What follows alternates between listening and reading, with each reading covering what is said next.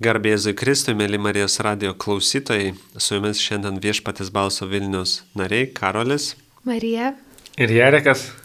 Ir kalbėsime šiandien apie Evangeliją, kurią perskaitys mums Marija. Evangelija pagal Joną. Antras skyrius nuo 13 iki 25 eilutės. Artėjant žydų Velykoms, Jėzus nukeliavo į Jeruzalę. Šventykloje jis rado prekiaujančių jaučiais, avimis, balandžiais ir prisėdusių pinigų keitėjų. Susukęs iš virvučių rimbą, jis išvijo visus juos iš šventyklos, išvarė avis ir jaučius, išbarstė keitėjų pinigus, išvartė jų stalus. Karvelių pardavėjams jis pasakė, pasiimkite savo paukščius iš mano tėvo namų, nedarykite prekybos namų. Jo mokiniai prisiminė, kad yra parašyta, uolumas dėl tavo namų, sugrauž mane.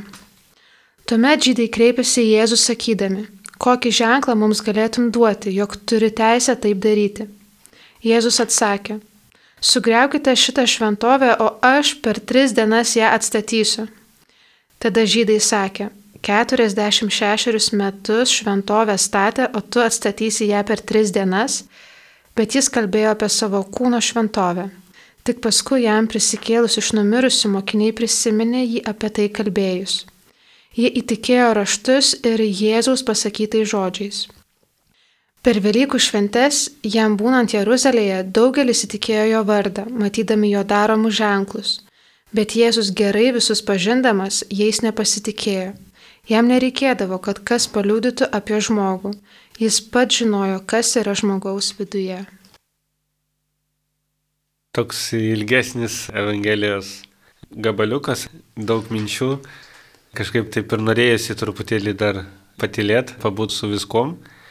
Ir gera iš tikrųjų šį vakarą, pavasario vakar būti čia kartu su jumis. Praeitą kartą kalbėjom senokai, prieš mėnesį tada kalbėjom apie Jėzus Krikštą, dabar jau turim gavienę, turim Jėzų keliaujantį irgi prieš Velykas į Jeruzalę.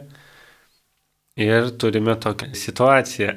Jėzus ateina, išvarto stalus, žodžiai ne kažką ir kažkaip galvoju, kad šiandien kažkaip būtų smagu į visą tą situaciją pažiūrėti iš tokios gal labiau mokinio perspektyvos, Petro perspektyvos.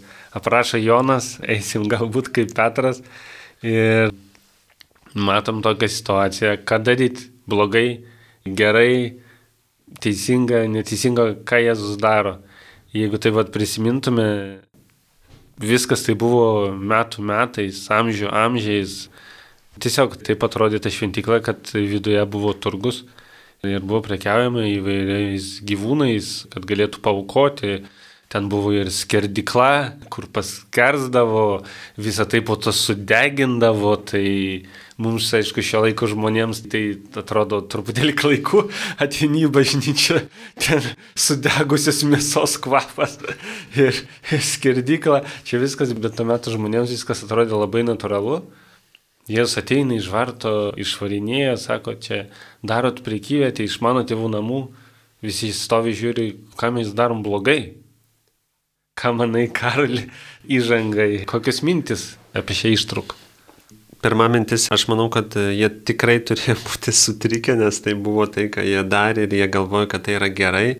Ir tada ateina Jėzus, kuris viską išvarto, padaro tokį balaganėlį šventykloje ir paaiškėja, kad visai yra kitaip, bet manau svarbu yra paminėti, kodėl Jėzus taip supyksta.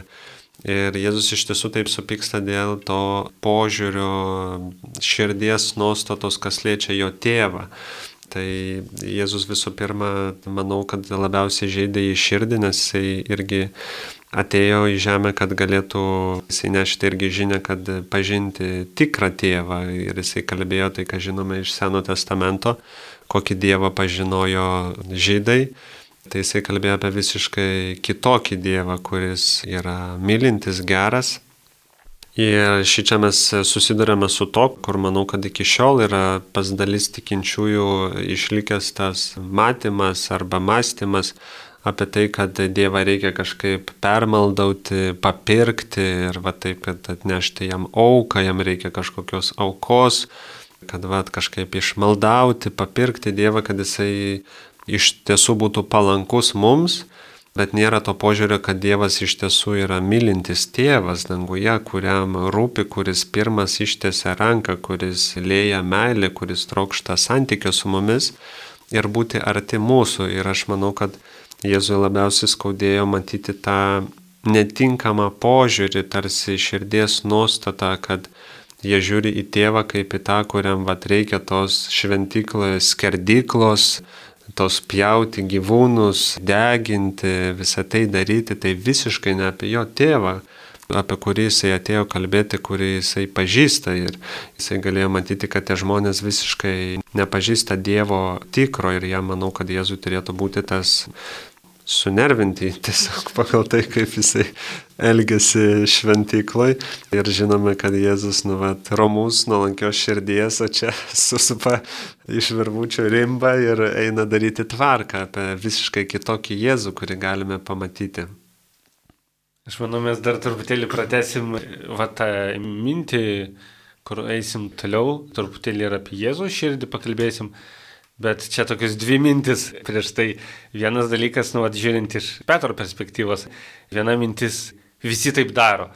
Tai yra, kad tuo metu, ypatingai va ir pagoniškos religijos, jeigu ten mes pasidomėsim, ir ten ir graikų, ir visų kitų, tai ir buvo tas va santykis, kad tu kažką duodi Dievui, nu, kad jį ale papirkti ir tada Dievas tau yra palankus. Vienas dalykas, žydai nebuvo ištraukti iš to meto visuomenės, to laikmečio mąstysenos. Tai vienas dalykas, antras dalykas, jie patys daug metų ir prieš tai buvo ir išvyti į Babiloniją. Na, jie vis tiek buvo prisisėmę tavo tokio mąstymo ir aišku, jiems tai atrodė natūralu, kad jeigu kažko nori, va, tai reikia papirkti tam tikrą prasme. Duodi auką Dievui viskas gerai, nedavė aukos ir viskas. Nusidėjai prieš Dievą ir tada yra blogai. Jėzus po to laužo daugelį vietų tą mąstysiną, kas yra labai dar kita va ta mintis, kurią aš va dar pakalbinsiu truputėlį, kaip pasimiršta ir išsikreipia iš tikrųjų, nežinau, arba einant kartu per kartas, Arba jeigu pasižiūrėsim labiau į save, tai einant per mūsų gyvenimą, kaip kartais išsikreipia va, tas Dievo paveikslas. Jeigu taip įdėmiau paskaitom apie kunigų knygą, ten kur Mozė gauna tos įstatymus, nu, vat, kai žiūri jau per Jėzus prizmę, per Evangelijos prizmę, tai yra ten tokių nuorodų, kad kodėl ten, pavyzdžiui, tos pirmutinius dalykus ten turėjai atnešti, ten vaisius, įvairiausius kviečius. Kodėl tai buvo? Todėl, kad Dievas sakė, kad aš jums daviau tą žemę. Vadinasi, tam tikrą prasme Dievas pirmas duoda, o visa šita yra kaip vad ženklas. Dievas tarsi vad parodo, kad iš tikrųjų, jeigu taip giliau vad skaitant per tą prizmę, atkreipti dėmesį, kad nėra taip, kad Dievas kažko vad reikalauja tų aukų, kad jį reikia permaldoti, jis visą laiką sako, jis sako, laikysitės mano sandoros ir aš jūs laiminsiu. Ta sandora nu buvo to susidarimo labiau reikalas, ne kažkokio vat, mokesčio dalykas. Ir toliau vat einant jau prie mūsų laikų, prie mūsų pačių, kaip vat irgi mes turim Evangeliją labai aiškę ir ten nėra ko daugiau pridėti ir tam tikrų dalykų nėra, bet kažkodėl vat, mumise, mūsų galbūt senelių, tėvų, vat, yra užsilikęs tas dalykas kartose, kad Dievas yra griežtas, Dievas yra tam, kad nubausti, jeigu būsi blogas, tave nubaus. Geriau su Dievu pernelik arti nebūti, nes ten maža ką dar. Taip, nu Dievą reikia gerbti, bet per nuotolį. Ir taip toliau ir panašiai. Ir toliau einant link vat mūsų gyvenimo irgi mes turim ir žinau, kad e, daug iš mūsų turi tą gyvą susitikimą su Dievu, tą patirtį, Dievo meilės patirtį. Ir mūsų tikėjimas yra gyvas, bet kažkaip po to užsimiršta visą tai. Susideda daug situacijų, daug galbūt sunkumų įvairiausių, daug žaizdų irgi. Ir mes irgi prarandam, iškreipiam tą Dievo paveikslą ir kaip po to sugrįžti į tai. Kokios jūsų mintis apie tai? Nu jo, iš tikrųjų labai įdomu, nes aš irgi pati pastebiu kartais ir savo kasdienybėje, kad tikrai būna tokie gyvenimo etapai, kai tiesiog atrodo, net atsiranda kažkoks varikliukas net manyje ir tada atrodo, kad pati užsisuku tame, nors Dievas manęs to net neprašo ir Dievui tarsi to net nereikia, bet aš pati susimastau, kad tai man čia gal reikia labiau pasimelsti, gal kad čia tada geriau būtų, arba, nežinau, ten kalbėti daugiau ten kažkokios konkrečios maldos, tarsi tai turėtų kažkokią stipresnę įtaką į mano gyvenimą. Ir tarsi įsikabini ten kažkokią, to, nu, kažkokią tarsi maldą, bet Taip, aš tave biškai nutrauksiu. Tu ieškai būdų, kaip papirkti Dievą, kad, jis, kad tu jaustum Dievo artumą. Taip gaunasi. Būna, tikrai, tarsi, tikrai kartais tas būna ir tikrai nutinka. Ir tada, kai pagaunu save, kad išeinu iš to tarsi gyvo santykio, iš gyvo susitikimo su Dievu, kuris yra asmuo, išeinu iš to tarsi santykio, Ir nu, tada tas ir atsitinka. Tas ir atsitinka, kad e, tada norisi kažkaip tarsi, nu, vat, e, pelnyti, užsitarnauti kažkaip ir nežinau, ar ten padaryti kažkokį darbą, ar ten sukalbėti bet tas maldas. Ir, ir tada kažkaip sustabdau save, pamatau, atpažįstu ir galvoju, ne, ne, Dievui to nu, tarsi nereikia, jam reikia to santykio, jam reikia tos draugystės, to santykio kaip tarp tėvo ir dukros, tiesiog būti kartu su juo toje vienybėje, bendrauti kartu. Tai va, tai nežinau, tai aš manau, gal esminis dalykas vis nuolat tirti savo širdį ir žiūrėti, kad daryti dalykus kartu su Dievu, o ne dėl Dievo, tarsi jam to labai labai labai labai reikėtų. Nes kartais galime tame pasiklysti, daryti dalykus dėl Dievo, bet ne su Dievu daryti dalykus be Dievo. Kartais tai būna, kad galime daryti dalykus dėl Dievo be Dievo. Taip. Labai įdomu yra. Ir pats su to esu susidūręs, bet Dievui labiau rūpi turbūt negu dalykai, jam rūpi santykis su mumis. Ir kaip dabar tiksliai neatsimenu, bet man atrodo, kad Tereselė irgi sakė, kad labiau už viską Dievui svarbus yra santykis. Ir Ir net jeigu gali, nežinau, padaryti didelį eventą, kažką ten, nežinau, evangelizuoti, tai visų pirma Dievo rūpi santykis su tavimi, tas laikas asmeniškas, o tada jau papildomai kažką galima ir padaryti, bet tai kaip tas papildomas dalykas ir klausant tavęs kažkaip mintis, kurios man kyla, tai manau, kad yra svarbu išugdyti savyje pasitikėjimą, to, ko prašo Jėzus iš tiesų, Jam tai reikia, kad mes pasitikėtume juo.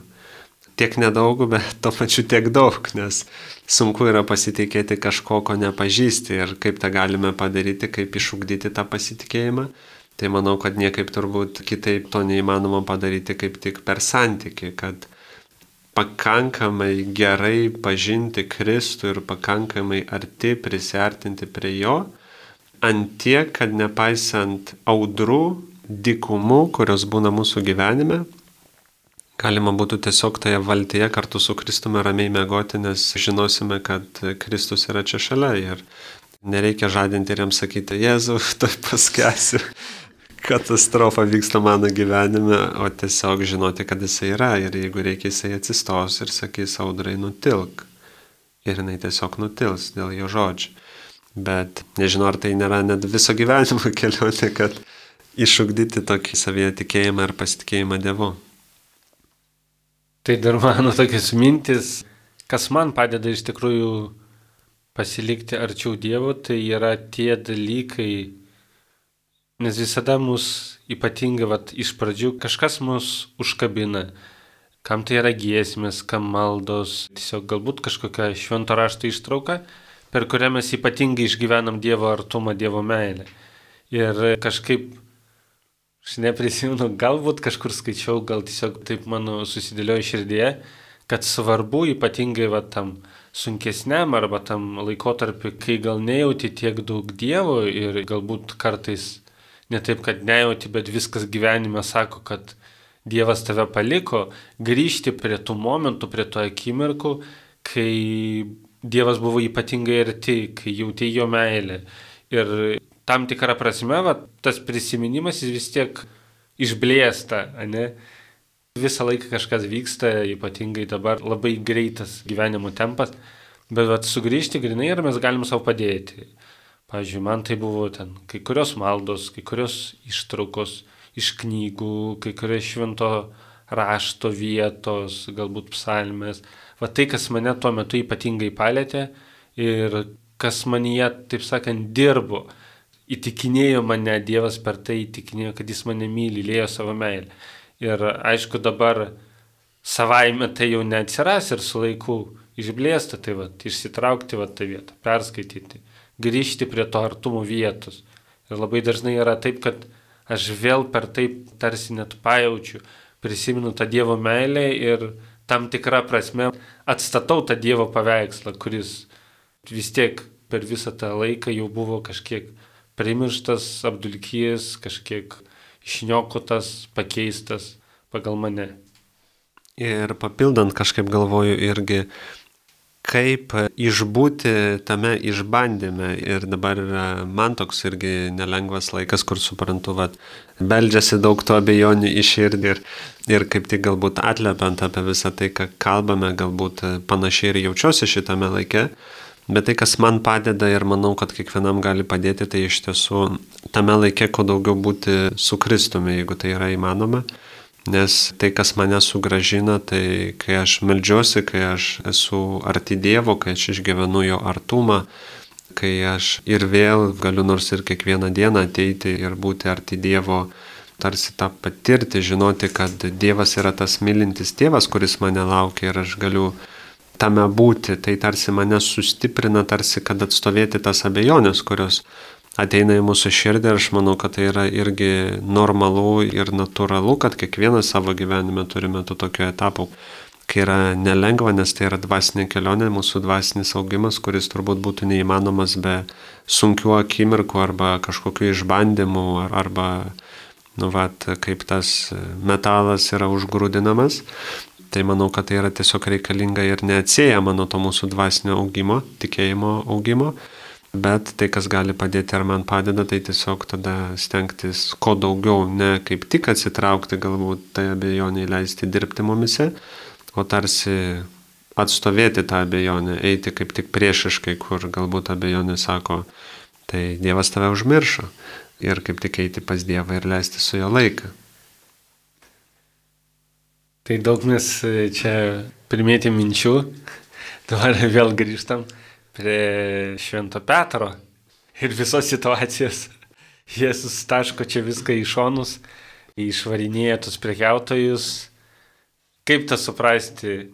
Jėzus vienoje vietoje kalba mylėkite savo priešus, kitoje vietoje palaiminti ten vargdieniai, visa kita.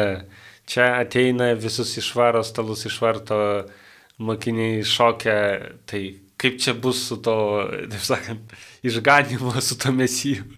Čia susikurs ta karalystė ar ne? Tai aš manau, kad labai svarbu yra paminėti tai, kad e, Jėzus tai kalba ir jisai iš tiesų, kaip ir Dievas, yra labai mylintis žmogui. E, Dievas kiekvieną myli savo vaiką bet e, tuo pačiu kartais mes galbūt užsimirštame, kad tarsi blogis, nuodėmė, čia nieko tokio, tai čia ką padarysi, tai va atsitiko. Ir kad iš tiesų Jėzus, jisai yra labai konkretus. Jisai šitoje situacijoje, jisai nėra tas toks neapčiopiamas, toks slidus ar kažkoks čia biški čia, biški čia kur irgi yra ta ištrauka būk arba šaltas, arba karštas. Tai labai konkrečiai tam tikrus dalykus, kurios sieja blogį arba nuodėmę, yra labai aišku reikia įsivardinti, kas yra gerai ir kas yra blogai. Ir man tai kažkaip labai tai irgi vieta susisėja su pačia galbūt Dievo karalystė, su pačia bažnyčia, kad bažnyčia, kas liečia blogį, jinai neturėtų būti pasyvi, o kaip tik e, mes tikintis, tai yra ir kiekvienam iš mūsų, ir aš, jeigu aš matau blogį, aš neturėčiau būti tas, kuris, ai, nu, primerksiu akį, praeisiu pro šalį, tai buvo, nebuvo, gal manęs niekas nematė, aš geriau eisiu ir ten kažkur darysiu gerai. Tai yra gerai daryti gerus dalykus, bet čia, ką parodo Jėzus savo pavyzdžių, jisai nėra pasyvus prieš blogį Jisai nėra tas, kuris stovi, ai, nu prekiavė, tai prekiavė tiek to, nu ką padarys, nu ką padarys. Eisiu toliau skelbti į kitus miestus.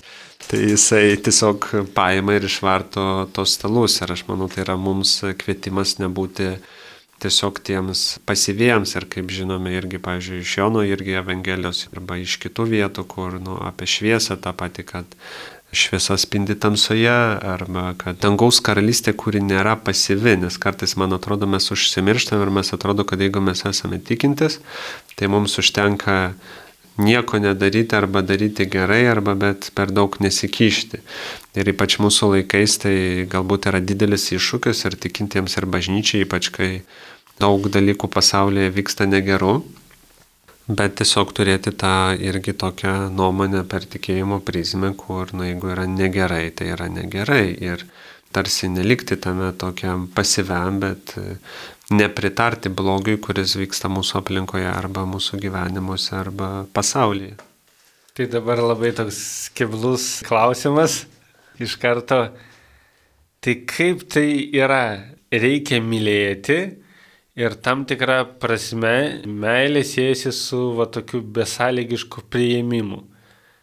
Ir savaime suprantama, kad visa tai po to nuplaukia iki to, kad, nu jeigu aš myliu, tada aš tam tikrą prasme pritariu. Aš tada sakau gerai, tu esi toks ir esi, ir būk, tu ten biški, nusidedi, tai nu nieko tokio, dar kažką. Dažnai irgi yra va tas toks, ypač va, tikinčiųjų, va, mūsų pačių, toks nusistatymas, kad va, reikia mylėti. Bet kas tada, jeigu tu myli tą žmogų, bet matai, kad jis daro blogai, tai galbūt yra tiesiog nebūtinai artimas tavo brolis ir sesė Kristui. Ir tu tam tikrą prasme, vad, myli, bet tu matai, kad jis daro blogai ir kažkaip nesinori eiti ten ir sakyti, tu darai blogai, nes gausi, kad aš jo nemyliu. Tai nesigaus, kad tu jo nemyli, nes jeigu tu myli, tai tau turi rūpėti ir tu turi tuomet kaip ir norėti ir turėti tą troškimą jam kaip tik padėti ir tiesa padaro kiekvieną iš mūsų laisvus. Ir pasakymas tiesos, tai padėtų tam žmogui jo augime. Tiesiog reikia išmokti sakyti tiesą su meile, kas yra be galo sunku. Nes labai lengva ateiti, sukritikuoti ir pasakyti tiesą, tą skaudžią tiesą, tą tokią sunkę tiesą ir išeiti. Bet aš tikiu, kad jeigu norim sakyti tą tiesą, kuri yra ta sunki tiesa, kuri kartais yra nemaloni, nepatogi, kviečianti išeiti iš komforto zonos, tai tuomet reikia tikrai su tokiu švelnumu, su tokia meilė bandyti pasakyti ir įvardinti tą žmogui. O jeigu yra šeimoje žmogus arba tavo aplinkoje žmogus, kur, pavyzdžiui, yra tikrai sunkus santykis gali būti kur, tarkim, yra tikrai sudėtinga kalbėtis arba būtų įvardinti kažką tam žmogui, tai kvieščiau tiesiog kurį laiką melstis už tą žmogų ir tiesiog nešioti tą žmogų, tą situaciją maldoje. Ir aš tikiu, kad ateis ir Dievas sudėlio šventoji dvasia tiesiog parodys tinkamą momentą, tinkamą galimybę pasikalbėti, kad galėtumėte vienas kitą išgirsti tame. Tai aš nežinau, aš tai kaip tik kvieščiau mokintis, nors tai yra ne visada patogu ir ne visada norisi. Ir man asmeniškai tai yra irgi labai didelis iššūkis. Tai kaip Biblija mums sako daryti? Eiti ir pasikalbėti dviese, jeigu matai, kad dviese neveikia, pasikviesti trečią. Ir manau, kad labai svarbu yra įsivardinti, aš manau, kad tai kyla iš to, kad galbūt yra iškreipta kažkiek savoka, kas yra meilė, nes mylime nėra lygų pataikaujame. O mylime reiškia tai, kad mes norime gėrio tam žmogui ir tai reiškia, kad jeigu mes matome, kad jisai kažkur yra pasiklydęs, daro kažką blogai, tai ir yra meilė ateiti jam ir pasakyti, bet žiūrėk, tu nukrypai nukrypties arba kažkokiais klystkeliais važiuoji. Ir tai, kad tu minėjai Marija, svarbu yra su meilė tai pasakyti žmogui, kas didžiausia yra iššūkiu, tai kaip yra teisingai, kad mes nesmerkiam žmogaus, bet smerkiame nuodėmę. Ir mes kaip čia pasakyti, mylime žmogų, bet nepritarėm tam veiksmui, kažkokiam blogiui, kurį jisai daro arba vyksta jo gyvenime. Ir, ir manau, tai irgi yra toks raktas pagalba, kaip kalbantis performuoti, perstatyti širdį, kad mūsų širdis nebūtų nukreipta į tą žmogų, nes kaip tu sakė, jeigu tai yra netinkamai ištransliuota, nu, tai žmogus tiesiog to neišgirs. Tai reikia ištransliuoti su meilė, mylintą artimą, bet irgi nepritarintam kažkokiam veiksmui, kuris yra sunkus arba nuodėmingas. Kažkiek pasigilinai karalį ir kažkiek patapo aiškiau, kas tai yra iš tikrųjų pasakyti su meilė, taip labiau konkrečiai, kažkaip sėdėjau čia, galvojau, kokį čia pavyzdį pasirinkti, bet kaip tyčia. Jokio paprasto pavyzdžio neturiu, tai gal važiuojam toliau, taip sakant. Važiuojam toliau. Pasikalbėjome apie tai ir tada mokiniai prisimena to žodžius iš rašto, ulumas dėl tavo namų sugrauž mane. Tai tokia irgi vieta, kas liečia Jėzų, bet aš gal kažkiek labiau norėčiau perkelti į mūsų gyvenimus, į mūsų santykį su pačia bažnyčia. Bažnyčia iš didžiosios B raidės, bažnyčia kaip bendruomenė. Ir aišku, ta didelė bažnyčia yra labai didelė, dažniausiai mums labiau suvokiama bažnyčia yra kažkokia bendruomenė, mūsų parapija galbūt, galbūt mūsų bendruomenė, kuriai mes priklausome. Ir kažkaip galvoju, kaip čia turėtų būti, kaip turėtų būti galbūt mūsų teisingas santykis su ta bendruomenė, kad iš vienos pusės mes turėtume būti uolus ir tam tikrą prasme, vad Jėzus eina ir keičia. Jėzus vad visas dega dėl to. Labai dažnai mes nedegam, labai dažnai mes esame pirmi, kurie vad einam ir taškom tą purvą ir sakom, va čia tas blogai, o tas kuningas tai ir netaip pasakė, o dar po mišių ten tai ir net ten pastatė mašiną, o tas, vad, kaimynas žiūrėk, sekmadienį mišes eina, o ką daro jis pirmadienį, kai nueina į darbą. Vat mes esame pirmi, kurie patys nuolat apkalbam, patys, kurie tam tikrą prasme ir pastebim blogus dalykus, bet visą tai naudojam tam taškimui to purvo, vietoj to, kad turėti tą vat, ugnį širdyje, kad aš esu to dalis. Tai čia bus vienas mano klausimas, kita turbutėlį toliau bus. Tai va šitas klausimas ir yra apie tai, kaip išlaikyti tą ugnį, kaip va jaustis dalimi bažnyčios ir kaip nepaisant tų blogų dalykų kažkaip va nešti šviesą į mūsų bendruomenę. Kokių minčių turit? Man tai mintis viena truputėlį papildant tave.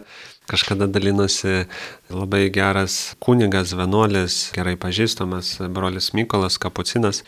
Tokią istoriją, galbūt jokelių apie kunigą, bažnyčią ir keulę.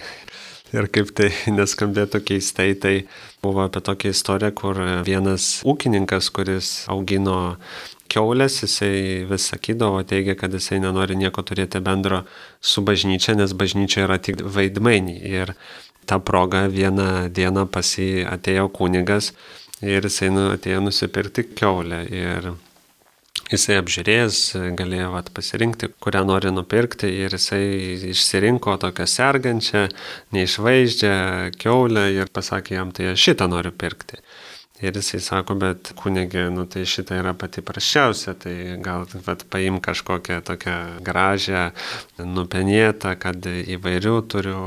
O jisai sako, ne, ne, ne, aš noriu šitą nupirkti iš tavęs. Nu jisai kaip ūkininkas, kas jam beliko, pardavė tą keulę tam kunigui. Ir kai kunigas sumokėjo, pasakė tam ūkininkui, O dabar aš paimsiu tą keulę, vedžiosiu po visą kaimą ir rodysiu žmonėms, kokias tu keulės augini, kad jos yra tokios sergančios, vos gyvos, prastos. Ir tada tas ūkininkas supiko ir sako, nu, atleiskite, nu, tai nesažininga, kaip jūs galite taip elgtis. Užprotestavo tas ūkininkas, kad, nu, taigi visos keulės yra nustabios, nu, čia vieną tokią vat, pasitaikė išrinkai tokią nuperkai, nu, kad tai negali tai būti, kad viena keulė neatspindi visos bandos. kunigas tada jam sako, aš tiesiog sakau tavo pavyzdžių, nes tu smerki visą bažnyčią dėl kelių jos narių. Paaiškino nu, tada jam kunigas, kad kartais mes paimam tų keletą kunigų, kurie yra blogi. Ir smerkiam tada visą bažnyčią, kurioje yra daug nuostabių kunigų, viskupų. Bažnyčia turi ir apriepia daug daugiau nuostabių žmonių, kurie yra dauguma, bet iš tiesų mes įsikimbam keletą tų tokių vat, prastų pavyzdžių ir tada pasmerkiam visą bažnyčią.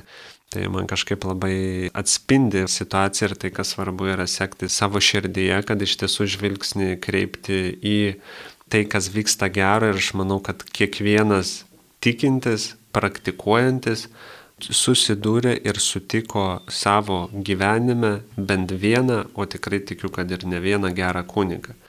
Ir net jeigu kažkoks pasitaikė, kuris tiesiog buvo silpnesnis, buvo bloga diena, irgi visi esame žmonės, tai būtų neteisinga pasmerkti visus tos blogus kunigus, kurie padėjo ir buvo tavo ir mano gyvenime. Aš čia galbūt kalbėjau ir apie visą bendruomenę labiau, bet iš esmės tavo atsakymas yra irgi pritaikytinas, kad stengtis pastebėti daugiau tų gerų dalykų Bet ir tada kitas mano klausimas, kadangi mūsų laikas eina į pabaigą, tai ir mes einam link pabaigos, link apibendrinimo.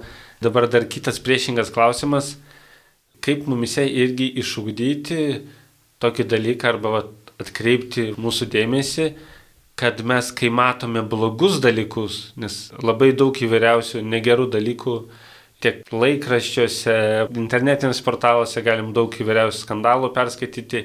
Ir daug dalykų tai įvyko būtent dėl to, kad tam tikri dalykai buvo slėpiami, vieni tiesiog slėpė, kad išsaugoti gražų veidą, kad tai geriau čia neskaluoti tos problemos, nes vad kaip tai visą tai atrodys ir visa kita ir tam tikrą prasme visos tos problemos yra nušluostomos, paslėpiamos, tai čia viskas gerai, dauguma yra gerai, bet tos problemos nėra sprendžiama. Ir kaip vat, mums sugebėti tam tikrą prasme nepritarti blogiui, kai mes matom tiek tarp kunigų, tiek galbūt tarp atsakingų žmonių, tiesiog tarp bažnyčios narių, ypatingai tarp tų, kurie turi gal kažkokį svarbesnį balsą ir visą tai padaro daugiau žalos savo elgesio. Ir kaip nebūti tam vat pritarančiam, tai va, aš noriu išsaugoti bažnyčios veidą, bažnyčia yra gera ir leidžiu, kad tas blogis vyktų. Tai galbūt toks trumpas atsakymas yra tai susukti iš virvučių rimą ir sekti Jėzus pavyzdžių, kur kaip ir šiandienos yra Evangelija, kad svarbu yra nepritarti iš tiesų tam blogiui.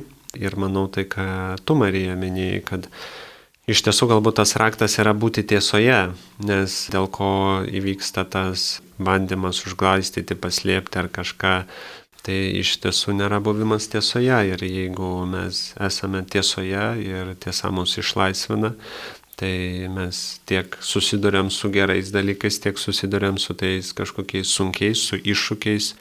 Ir apie juos svarbu irgi kalbėti ir neretai, jeigu aišku tai liečia mus, nu mes esame toje situacijoje, nes dalis yra dalykų arba klausimų, kurios mes niekaip negalime įtakoti. Ir nors mes ten rimba surištume ar iš balkono šauktume, tai tas balsas nelabai kažką pakeis, bet ypač jeigu tai liečia mus ir mes turime tą kažkokią galę, įtaką ar kažką, tai irgi nebijoti spręsti tų problemų. Ir aš manau, kad tai yra iššūkis, nes spręsti problemas niekam nėra malonu, bet tikrai galima į tai pasikviesti kažką į pagalbą.